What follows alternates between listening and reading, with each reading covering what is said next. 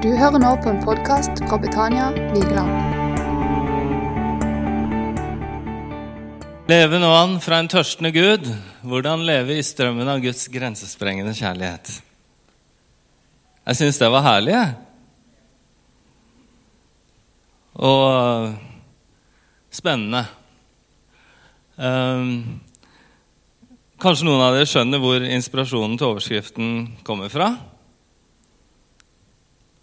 Levende vann fra en tørst Gud, tørstende Gud. Hva tror du? Hvor tror du det kan komme ifra? Det kommer fra en bibelfortelling. Det kommer ifra historien om Jesus som kommer til Sykars brønn i Samaria. Trøtt og tørst etter reisen så setter han seg ned ved brønnen og gir seg i tale med en samaritansk kvinne og ber henne om å få drikke. Jesus er både tørt og trøtt. Tørt, trøtt og tørst. Det blir et livsvandrende møte for kvinnen. Ja, ikke bare for henne. Hele byen kom til tro. Her møter vi en tørst Gud og en umettelig kvinne.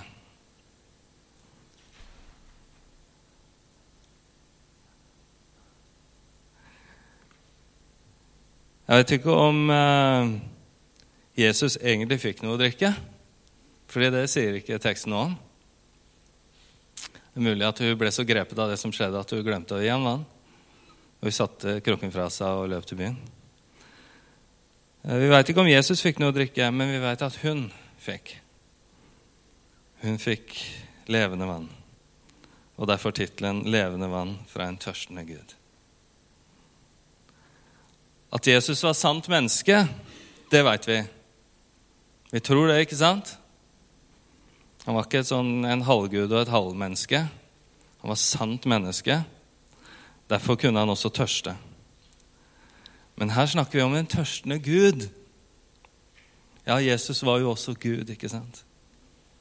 Så når Gud har vært menneske og vært tørst, så er det Gud som har kjent og vet hva tørst er. Han har prøvd i alt likhet med oss.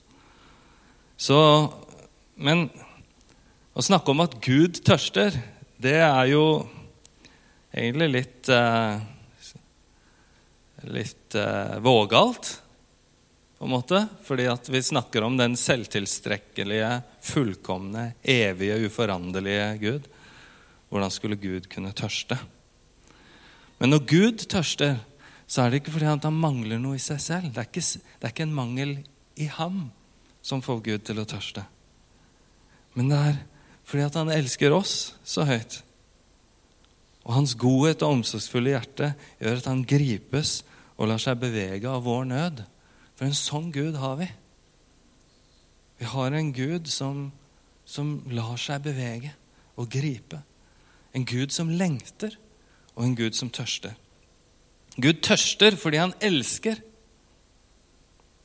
Grenseløst høyt, hvitt, bredt, langt og dypt. Ja, Gud er kjærlighet, skriver Johannes.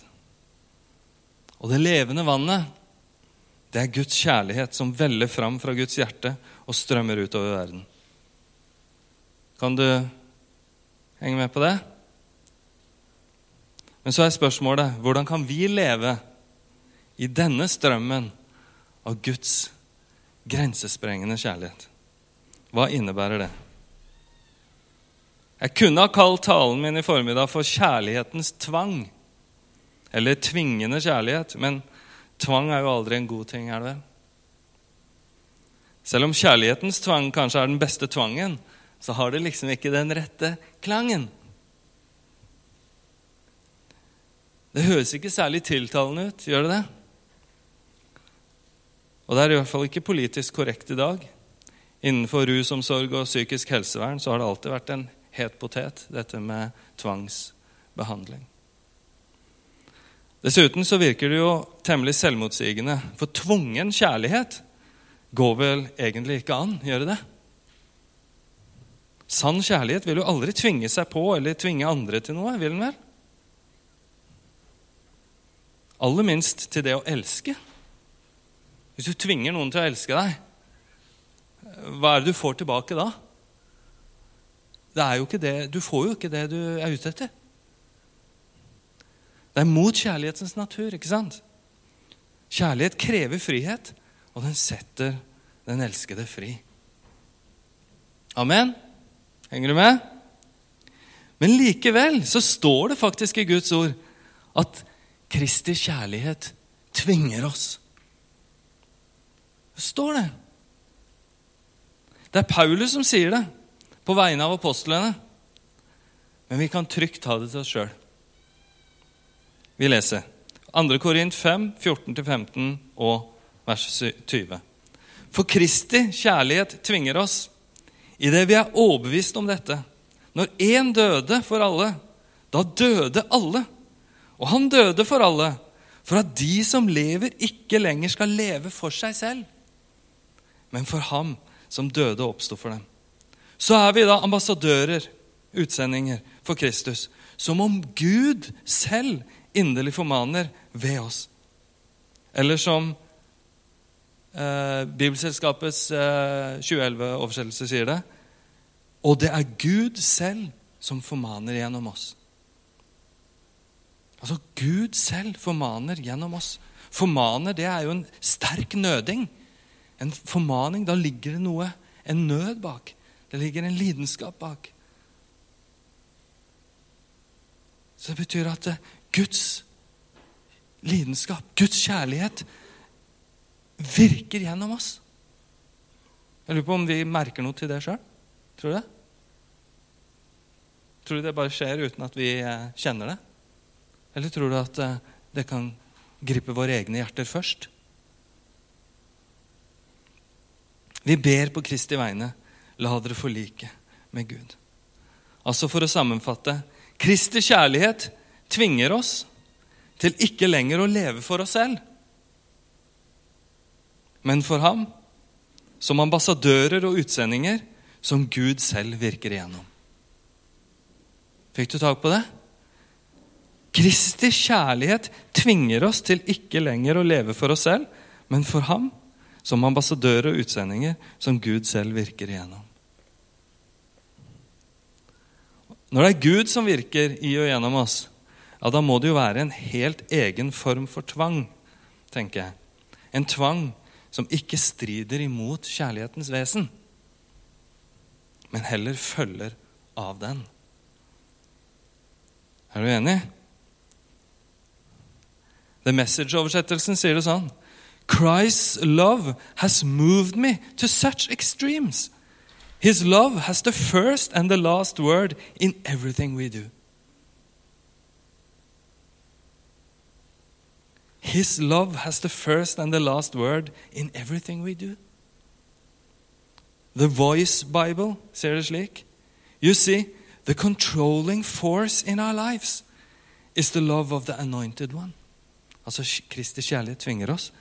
The controlling force in our lives is the love of the anointed one. Og The Jerusalem Bible sier det sånn For the love of Christ overwhelmed us.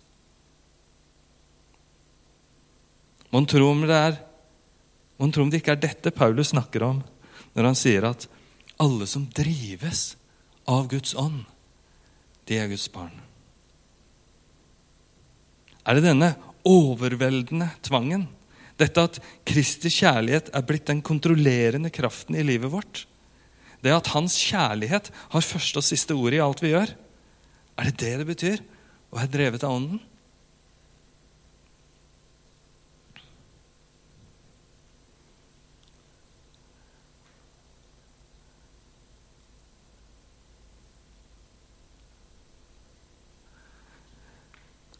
I teologien så blir gjerne kristeliv og lære kalt for ortodoksi og ortopraksi.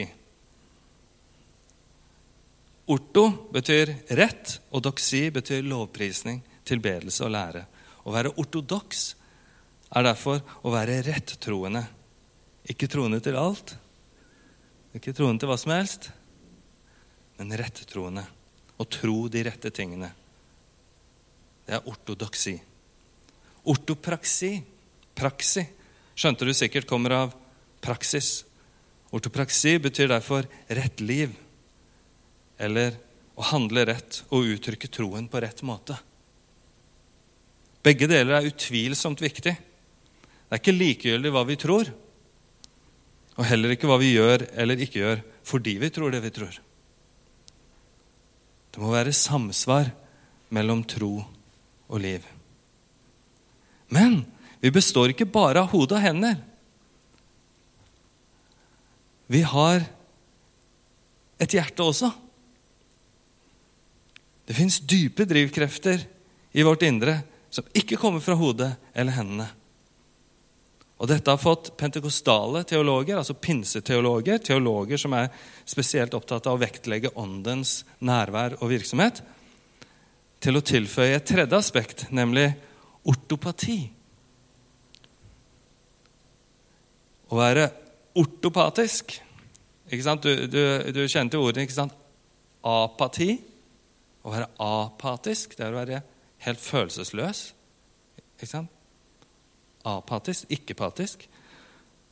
Eller antipatisk. Hvis du har antipati mot noe, så har du motfølelse. Det, du, du, har avsky eller aversjon mot noe. ikke sant? Så har du også sympati. Det er liksom du, du kjenner sammen med noen.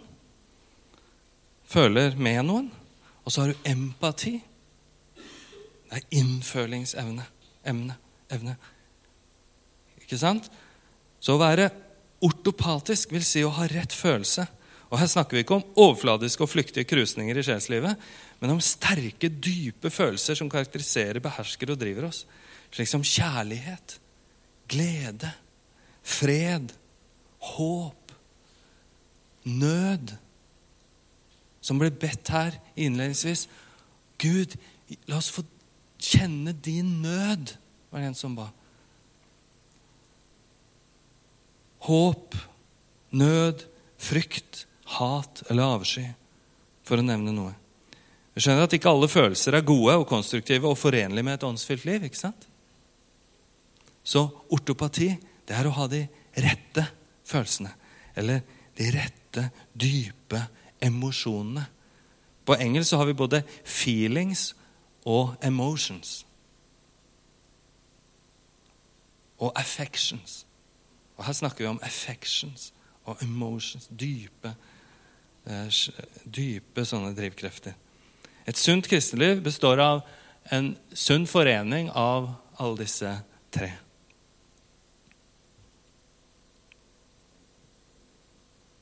Og i dag så handler det om kjærligheten. Den største og sterke følelsen eller drivkraften av dem alle. Tenk hva kjærlighet, eller tørst etter kjærlighet, sveket kjærlighet eller mangel på kjærlighet har betydd for verden på det menneskelige plan. Alle trenger kjærlighet for å leve. Barn som ikke får kjærlighet når de er helt små, og blir løftet og kjelt med, de dør. Selv om de får mat og stell.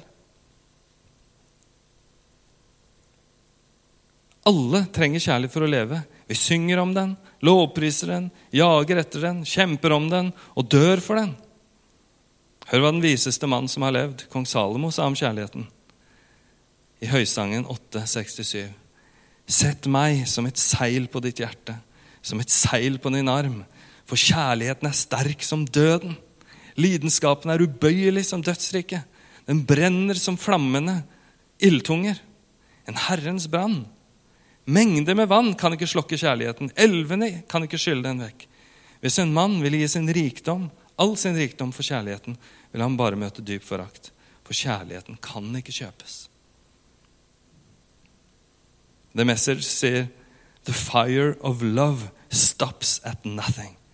It sweeps everything before it. Floodwaters can't drown love. Torrents of rain can't put it out. Kjærligheten er ikke bare større og viktigere enn det meste. Den er den sterkeste kraft som finnes. Den har motivert og drevet mennesker til de største heltedåder. Den har trosset og beseiret de største farer og festningsverker. Ja, den har seira over Satan og alle makter og myndigheter. Den har drevet de største mennesker som har levd, til å utholde og utrette de utenkeligste ting og til å sette uslettelige spor etter seg i historien. Det er et faktum at de vi priser høyest, er de som har elsket mest, ofret mest, bøyd seg dypest og båret tyngst. Ikke for seg selv, men for andre. Det er de vi hedrer med helte, eh, ja, sånn heltepriser og, og sånn. Og Vi ser gjerne opp til de sterke, de som har klatra høyest og oppnådd suksess. Men de vi bøyer oss dypest for, er de som har ofret seg selv for andre. Stemmer ikke det? De er kanskje ikke så store, disse folka. Det er veldig små folk som gjør ufattelig store ting. Ikke fordi de løfter så veldig veldig tungt og klatre så høyt, men fordi de gir så mye av seg selv. Tenk hvor dypt Jesus bøyde seg. Eller 'Dette er mitt bud', sier Jesus. At dere skal elske hverandre som jeg elsket dere. Ingen har større kjærlighet enn dette, enn at, de, at han gir sitt liv for sine venner. Sånn. Så det er liksom det ytterste. Det er noe med kjærligheten. Kjærligheten søker ikke sitt eget. Den søker, men den søker ikke sitt eget. Den søker den elskedes beste. Den har alltid den andre i sentrum, ikke seg selv. Kjærligheten kretser ikke om seg selv. Den søker ikke sitt eget. Og kjærligheten gir, og kjærligheten ofrer, og kjærligheten lider. Fordi den elsker. Ikke sant? Det er kjærlighet. Tenk hvor dypt Jesus bøyde seg. Ingen har ofret så mye som han. Ingen har båret så tungt som han. Ingen har derfor heller satt så dype spor etter seg i verdenshistorien som han. Tenk på det. Han som var i Guds skikkelse og ikke aktet det for et råd å være Gud lik, men av seg selv ga avkall på det og tok en tjenerskikkelse på seg idet han kom i menneskers lignelse. Og da han var funnet som et menneske, ble han lydig inntil døden. Ja, korsets død. Fordi han har bøyd seg så dypt ned, så rå Gud høyt oppe til ham og satt han over ethvert navn som nevnes. Ikke bare i denne verden, men også i den kommende. Og han la alt under hans føtter. For at i Jesu navn skal hvert kne bøye seg, hvert kne bøye seg, og hver tunge skal bekjenne at Jesus Kristus er Herre, til Gud Faders ære. Tenk hvor høyt, hvor dypt han bøyde seg. Når du tenker på utgangspunktet hans som Gud, Sønnen, andre personen i guddommen. Fullkomment på alle måter. Evig. Herlig. Men det var jo ikke en, det var ikke en sånn egentlig en fornedrelse å bli menneske. Fordi han har jo skapt oss i sitt bilde. Det var hans plan fra begynnelsen av det. Om ikke vi hadde synda og Jesus måtte bli menneske for å gå til korset og dø, så tror jeg han hadde blitt menneske allikevel.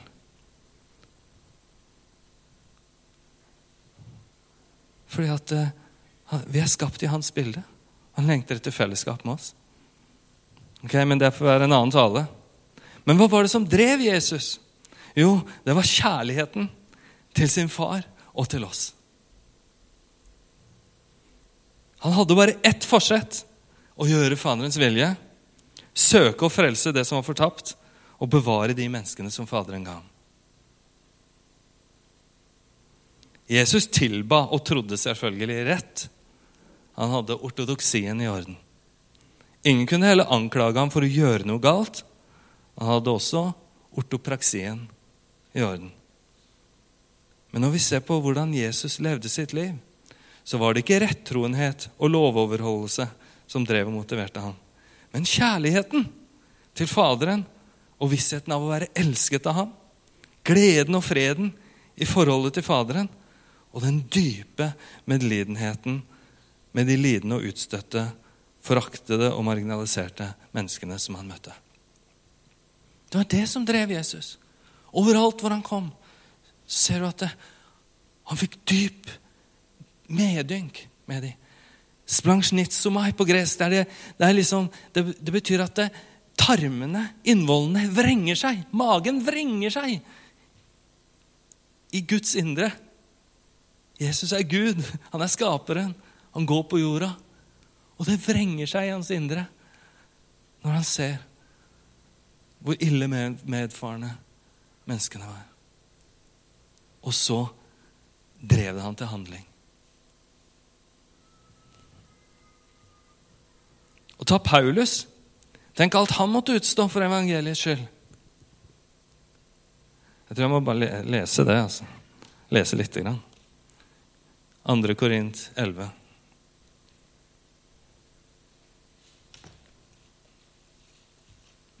Jeg tar sikkert tid til å lese alt, men skal se. Lese litt.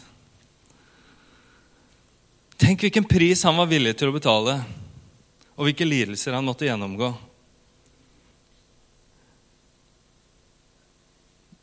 Er de, er de Kristi tjenere? Jeg taler som en dåre. Jeg er det enda mer. I mer strev, under langt flere piskeslag. Ofte i fengsel, ofte i dødsfare. Av jødene fikk jeg fem ganger de 40 piskeslag på ett nær. Fem ganger! Altså 40 piskeslag, da var du død. Han fikk 39 piskeslag fem ganger. Tre ganger ble jeg hudstrøket. En gang ble jeg steinet. Tre ganger led jeg skipbrudd. En natt og en dag har jeg vært i dypet. Jeg har ofte vært på reiser i fare på elver, i fare blant røvere, i fare blant mine egne landsmenn, i fare blant folkeslagene, i farer i byen i byen, i farer i ørkenen, i fare på havet, i fare blant falske brødre, i utmattelse og strev, ofte i søvnløshet, i hunger og tørst, ofte i faste, i kulde og nakenhet. Utenom alt andre har jeg det som ligger på meg daglig, nemlig omsorgen for alle menighetene. Hvem er svak uten at jeg også blir svak? Hvem føres til fall uten at det brenner i meg? Hvis jeg må rose meg, så vil jeg rose meg av det som gjelder min skrøpelighet. Ja. Altså, Tenk hva han måtte utstå. Hallo, Paulus, hva er du driver med? Hvorfor gidder du dette her? Kristi kjærlighet tvinger meg. Hvordan er det mulig? Han sier eh, bare tenk på, eh, Han fikk også vite på forhånd han, at han skulle lide. Vi pleier ofte å trøste oss til å det var godt at vi ikke veit eh, hva som kommer. Ikke sant? Og Hadde jeg visst dette på forhånd, så hadde jeg jo ikke gått inn i det. Men Paulus han fikk høre det. han. 'Jeg skal vise deg hvor mye du skal lide for mitt navns skyld.' Han fikk vite det når han fikk kallet sitt, så fikk han også høre at det, det ville innebære masse lidelse. En stor pris å betale. Og så gjør han det likevel. Hvordan da? Hvorfor da? Hvordan er det mulig? Med vitende vilje. I 1. Korint 15, 30-31 sier han Og hvorfor utsettes vi for fare hele tiden? Ved den ros jeg har av dere i Kristus Jesus vår Herre, vitner jeg at jeg dør daglig. Det, at han dør daglig, det kan jo på en måte være en beskrivelse av den, den, uh, den smerten og lidelsen og alt det som, som, han opplevde. Men det kan også skjule hemmeligheten til hvordan han kunne bære alt dette her. Fordi at jeg lever ikke lenger selv, men Kristus lever i meg.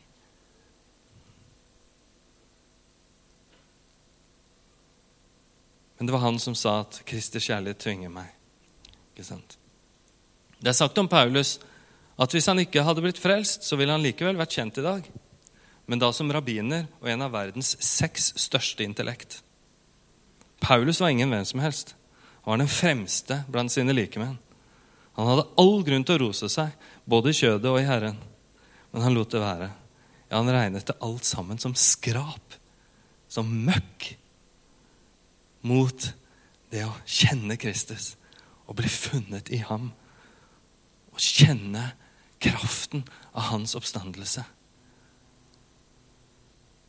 Å få kjenne oppstandelseskraften strømme gjennom seg og det å fullføre sin tjeneste. Det var det han sikta mot. Det er ikke tvil om hva som var drivkraften i Paulus sitt liv. Han sier, 'Og jeg vil med glede ofre, ja, selv bli ofret for sjelene deres.' Selv om det er slik at jo mer overstrømmende jeg elsker dere, desto mindre blir jeg elsket. Han, han elska dem på en måte som Det er ikke alltid det føles så godt å, å høre sannheten, f.eks. Men de som elsker deg, de vil jo si det er sannheten. Selv om de blir mislikt. Men de gjør det fordi de elsker deg. Ikke sant? Og her sier han at det,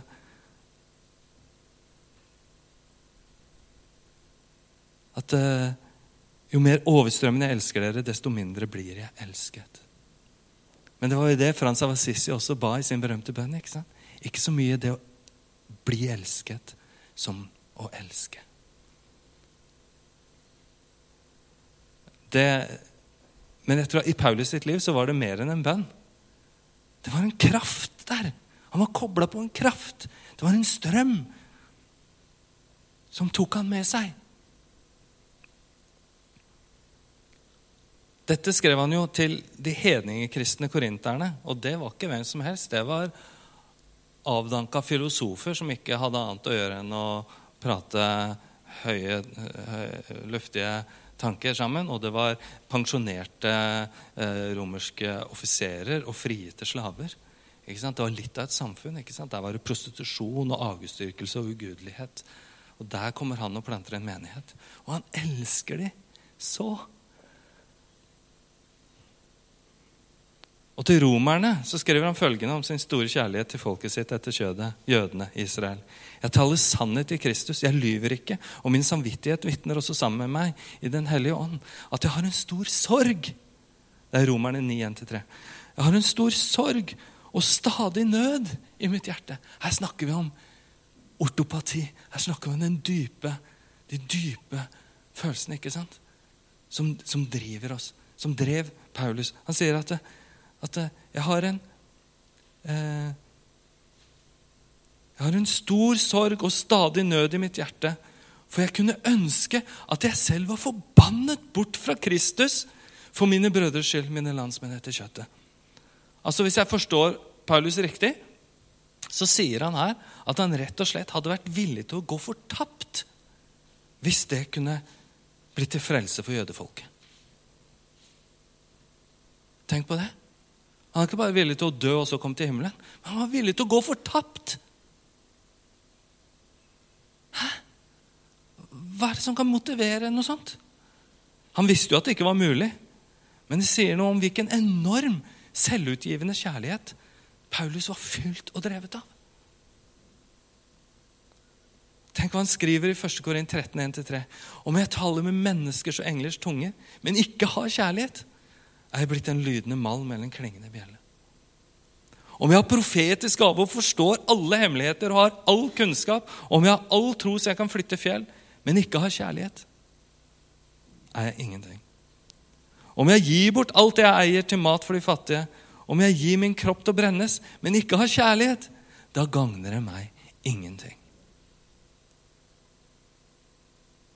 Kjærligheten trumfer alt. Det er sagt at 1. Korin 13, kjærlighetens høysang, er en beskrivelse av Gud. Og Gud er kjærlighet. Så det kan vi være enig i. Men jeg tror også at Paulus, selv om han ikke trodde om seg selv at han hadde grepet og allerede var fullkommen, så tror jeg Paulus levde i dette her. Han hadde kjærlighet. Han hadde ikke bare tungetale og profetisk gave. Han kjente ikke bare hemmeligheter som ingen andre hadde fått se og kjennskap til før han. Ikke sant? Han, han, han, han døde ikke hver dag bare til ingen nytte. Han hadde kjærlighet. Jeg tror han hadde dette her. Han levde i dette. Det står om Jesus at som han hadde elsket sine egne som var i verden, slik elsket han dem til det siste. Og Det samme tror jeg Paulus kunne si. Jeg har fullendt løpet, bevart troen. Jeg tror ikke han opplevde at eh, kjærligheten ble borte og avtok. Akkurat nå, i disse dager Oi. Neimen strever med powerpointen der. Akkurat i disse dager så feirer vi Dennis Mukwege. Doktoren, pinsevennen og pastorsønnen i Kongo. Som for et par dager siden ble tildelt Nobels fredspris for sin utrettelige kamp mot seksualisert vold i krig. Han sier, 'Hadde vi ikke hatt troen på Gud, så hadde vi ikke orket å høre alle disse grusomme historiene', sier han. Ja, hadde det ikke vært for Guds kjærlighet, så hadde de verken villet eller maktet. Men nå kan det ikke la være. Når Paulus skriver i Romerne 5.5 at Guds kjærlighet er utøst i våre hjerter ved Den hellige ånden som er oss gitt, så handler det ikke bare om at vi opplever oss elsket av Han, at jeg har liksom fått Guds kjærlighet til meg har blitt så sterk, sterk for meg, blitt så levende for meg. Eller det betyr ikke heller bare at Gud virker, sin, virker i oss sånn at vi elsker Han tilbake. At, vår, at Guds kjærlighet, altså Guds kjærligheten, kjærligheten til Gud, er utøst i våre hjerter. Det er også utvilsomt sant.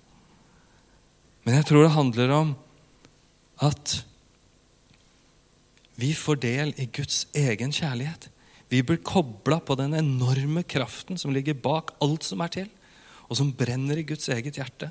Den som drev Faderen til å sende Sønnen og fikk Sønnen til å gi alt.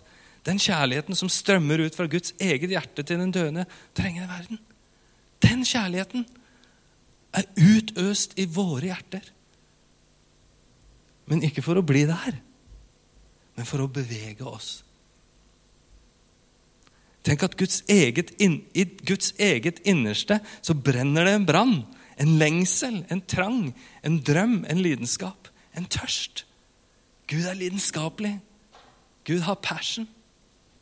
En nidkjærlighetens brann. Og dette er selve hjertet av tilværelsen. Alt som er til, har sprunget ut ifra Guds brennende, kjærlighetsfulle hjerte. Tenk på det sentrum for alt som er. Så hvordan kan vi leve uten å bli berørt av det?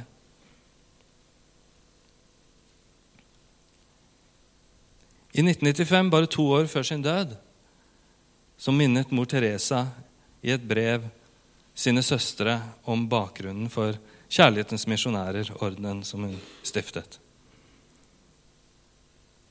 Jesus ønska Jesus, hun skriver Jesus ønsker at jeg skal si til dere igjen hvor stor en kjærlighet han har til hver enkelt av dere. Langt utover det dere kan forestille dere. Ikke bare elsker han dere. Nei, mye mer. Han lengter etter dere. Han savner dere når dere ikke kommer han nær. Han tørster etter dere. Han elsker dere alltid, selv når dere ikke føler dere verdige.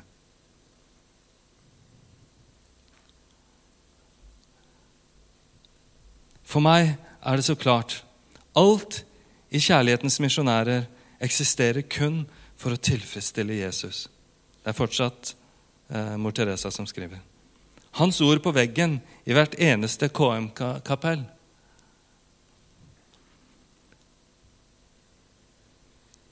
Det er ikke bare ord fra fortiden, men levende her og nå, talt til dere. Tror dere dem? Hvorfor sier Jesus 'Jeg tørster'. Hva betyr det? Noe, noe, så svært å forklare. Det er så vanskelig å forklare med ord. 'Jeg tørster' er langt dypere enn om Jesus bare sier 'Jeg elsker deg'. Og så sier hun, 'Før du vet dypt inne i hjertet at Jesus tørster etter deg', kan du ikke begynne å forstå hvem han ønsker å være for deg, eller hvem han ønsker at du skal være for ham. Ordene 'jeg tørster' var blant Jesus' siste ord på korset. Mor Teresa og mange andre, har jeg hørt, opplever det som et tidløst og vedvarende rop. Og i det, i Guds tørst, så ligger vårt kall. Vil vi leve i strømmen av Guds grensesprengende kjærlighet og bære kjærligheten dit den vil? Vil vi være med og stille Jesus sin tørst? Jeg tror ikke om meg sjøl at jeg har grepet det. Jeg tror ikke noen andre her heller har det. Vi er alle i samme båt. Vi strever alle med det samme kjødet. Vi er alle oss selv nok, eller nærmest.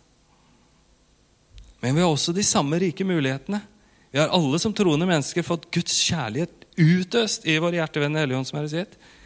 Vi har alle oppreist med Kristus og satt med ham i himmelen over enhver makt og myndighet. Og vi er alle velsignet med all åndelig velsignelse i himmelen i Kristus Jesus. Men hvordan er det med oss? Hvordan er det med deg? Kan du huske en gang da du var nyfrelst, kanskje? Eller da du ble døpt eller fylt av Ånden for første gang? Eller da du fikk nådestøtet eller den store klemmen? Kan du tenke tilbake på en tid da du var brennende av Guds kjærlighet? Både til deg, Guds kjærlighet både til deg og til andre? Ja, men sånt kan jo ikke vare for alltid. Alle branner dør jo ut før eller siden. Må de det? I Gammeltestamentet leser vi om ilden på alteret, som aldri skulle slukne. Gud tente ilden, og prestene skulle holde den ren og ved like. Vi har en ypperste prest i himmelen som ber for oss, som lever for å gå i forbønn for oss. Han holder ilden ved like. Jeg ba for deg, Peter, da det holdt på å slukne, om at ikke din tro skulle svikte. Og når du en gang omvender deg, da eh, Hva står det? Lær dine brødre. Eller? Ja. Ilden som falt på pinsedag. Vi har hørt om den, ikke sant? Den delte seg og satte, deg, satte seg på alle disiplene sine hoder. Men som vi, så, som vi, vet Det står ikke om det, men, men vi må jo anta at flammene forsvant på et tidspunkt fra disiplenes hoder. Hvordan skjedde det? Skjedde det helt plutselig? Poff! Så slokka ilden på alle hodene samtidig? Eller bare ble den mindre og mindre og mindre? Eller slukka den på noen først, og så brant det på noen andre litt lenger? Hvordan skjedde det? Har du tenkt på det noen gang? Nei, jeg har ikke tenkt på det før. Jeg har tenkt på det nå. Eller når jeg forberedte denne talen. Brant noen lenger enn andre? Eller forsvant alle på en gang? Ble de lei seg? Ble de desperate? Nei, nei, nå holder på å slukne! Nå holder på å slukne. Og så må, Hvordan skal vi klare å holde med like? Ja, Det vi vet sikkert, er at eh, ilden forsvant. Hvor ble den av? Den ble ikke bare borte. Den sluknet ikke. Den sank ned i hjertet. Ja, Ilden sank ned i hjertet. Det var det den gjorde. Og så strømmet den ut av munnen deres og satte hendene i bevegelse og fikk etter hvert fart i beina. Og i løpet av en generasjon så var hele den daværende siviliserte verden satt i brann. Tenk på det. Tenk på det. Eller for å gå tilbake til det opprinnelige bildet vårt, eh, gå mot avslutning her nå. Du har hørt om den berømte dobbeltbekken, kanskje, i Esekiel sin eh, visjon som strømmet ut fra alteret i tempelet. Det var Esekiel, var det ikke, Ivar? Jeg ser på deg. Ja. Uh, og jo lenger den fløt, jo dypere og breiere ble den. Ja, men Det er jo helt motsatt av det man kan forvente med, med en, en, strøm som bare har ett utkomme. Hvis det hadde kommet mange eh, strømmer og føyd seg til, så ville den ha vokst. Men det var ikke mange strømmer som kom til. Den strømmet ut fra alteret. Den hadde ett utkomme. Men jo lenger den fløt, så var det ikke sånn at den avtok. Det er ikke sånn at eh, jeg var brennende for Jesus når jeg var nyfrelst, men nå er jeg gammel, og nå har det avtatt. Nei, strømmen ble dypere og videre og kraftigere og rikere med årene. Ettersom den fløyt nedover. Henger du med? Ja, så Det er ikke sånn at ilden behøver å avta, eller at strømmen må minke. Den kan øke. Amen. Alt i dens nærhet ble sunt, frodig, friskt og fullt av liv. Så hvordan er det med oss? Hvor er ilden blitt av? Kjenner vi den brenne? Har den satt seg i hjertet, hendene og beina våre? Eller har den dabbet av og dødd ut? Kjenner vi at Guds kjærlighet er utøst i våre hjerter ved en hellige ånd som er resert? Eller er det bare noe vi leser og holder for å være sant? Eller kanskje enda bedre kjenner andre at Guds kjærlighet er utøst i våre hjerter? Når jeg skrev 'utøst' på iPaden min, så kom autokorrekturen og retta det til utløst. Det var jo en bra og treffende gudfeldighet. For det er jo det som må til. At det som har blitt utøst i oss, må bli utløst gjennom oss. La oss be. Kjære Jesus. Kjære Jesus, jeg takker deg for, eh, for eh, at vi får lov til å være med. Jeg takker deg for at du elsker oss så. Og jeg ber om at eh, din kjærlighet må, må fylle våre hjerter og, og, og forløses gjennom våre liv. Ha din vei, Gud. Ha din vei.